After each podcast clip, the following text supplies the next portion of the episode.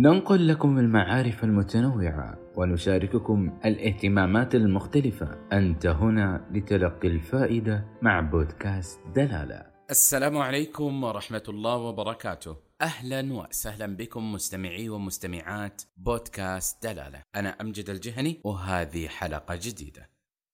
التغيير علامة مهمة من ملامح الحياة. وهو سنة كونية تخضع لها كل المخلوقات. والسمة الإنسانية المميزة لهذه البشرية هي البحث عن التكامل والتغيرات التي تحدث للإنسان في شخصيته. هي التي تدفعه إلى السعي المستمر والحركة الدؤوبة نحو حياة أفضل. ولكننا لسنا جميعا متشابهين في نظرتنا للتغيرات التي نمر بها وردود أفعالنا تجاهها. فلكل منا أسلوبه في التعامل مع متغيرات هذه الحياة. وتختلف مواقفنا في تقبلها والتفاؤل معها. وكلنا جميعا مطالبون بإيجاد صيغة مناسبة لفهمها والتعامل معها. لنستطيع تحقيق الاستمرار والأمان النفسي والعاطفي والاجتماعي وأيضا حتى المادي الذي يحلم به كل إنسان. التغيير سنة ثابتة من السنن الإلهية تفرض نفسها على حياة الإنسان ولأنه كائن قادر على التكيف مع المتغيرات بإحساسه العقلاني. يختار السلوك الصادر عنه من خلال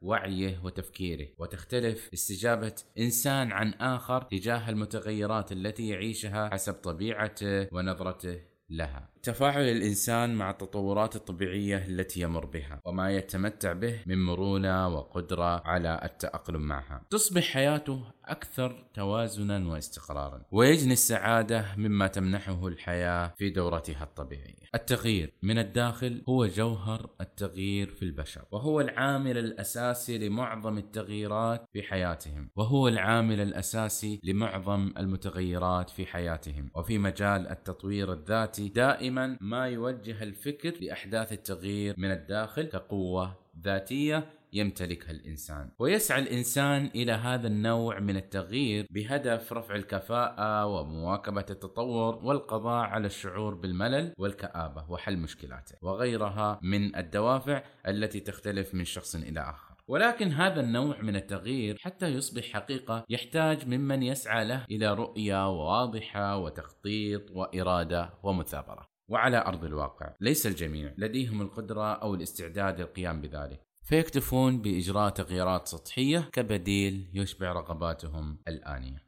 منذ بداية تكوين الإنسان وهو في حالة نمو مستمر من ناحية التطور البيولوجي للجسم والتطور الفكري والمعرفي وعندما ننظر إلى الطفل في سنوات عمره الأولى وهو يبدأ في لمس الأشياء والتعرف إليها. نرى سعادته القصوى حينما يتعرف إلى شيء جديد وهذه الصفة تظل ملازمة للفرد مدى حياته في مختلف فترات نموه. تشريعات الإسلام اتسمت مع حركة التغيير والتجديد ففي الصلوات هناك صلوات جهرية وسرية هناك صلاة في الليل وأخرى في النهار وحتى في الركعات. تجد صلاة رباعية وصلاة ثنائية وصلاة ثلاثية وهناك اجتماع أسبوعي يتحقق بصلاة الجمعة وسنوي يتحقق بصلاة العيدين.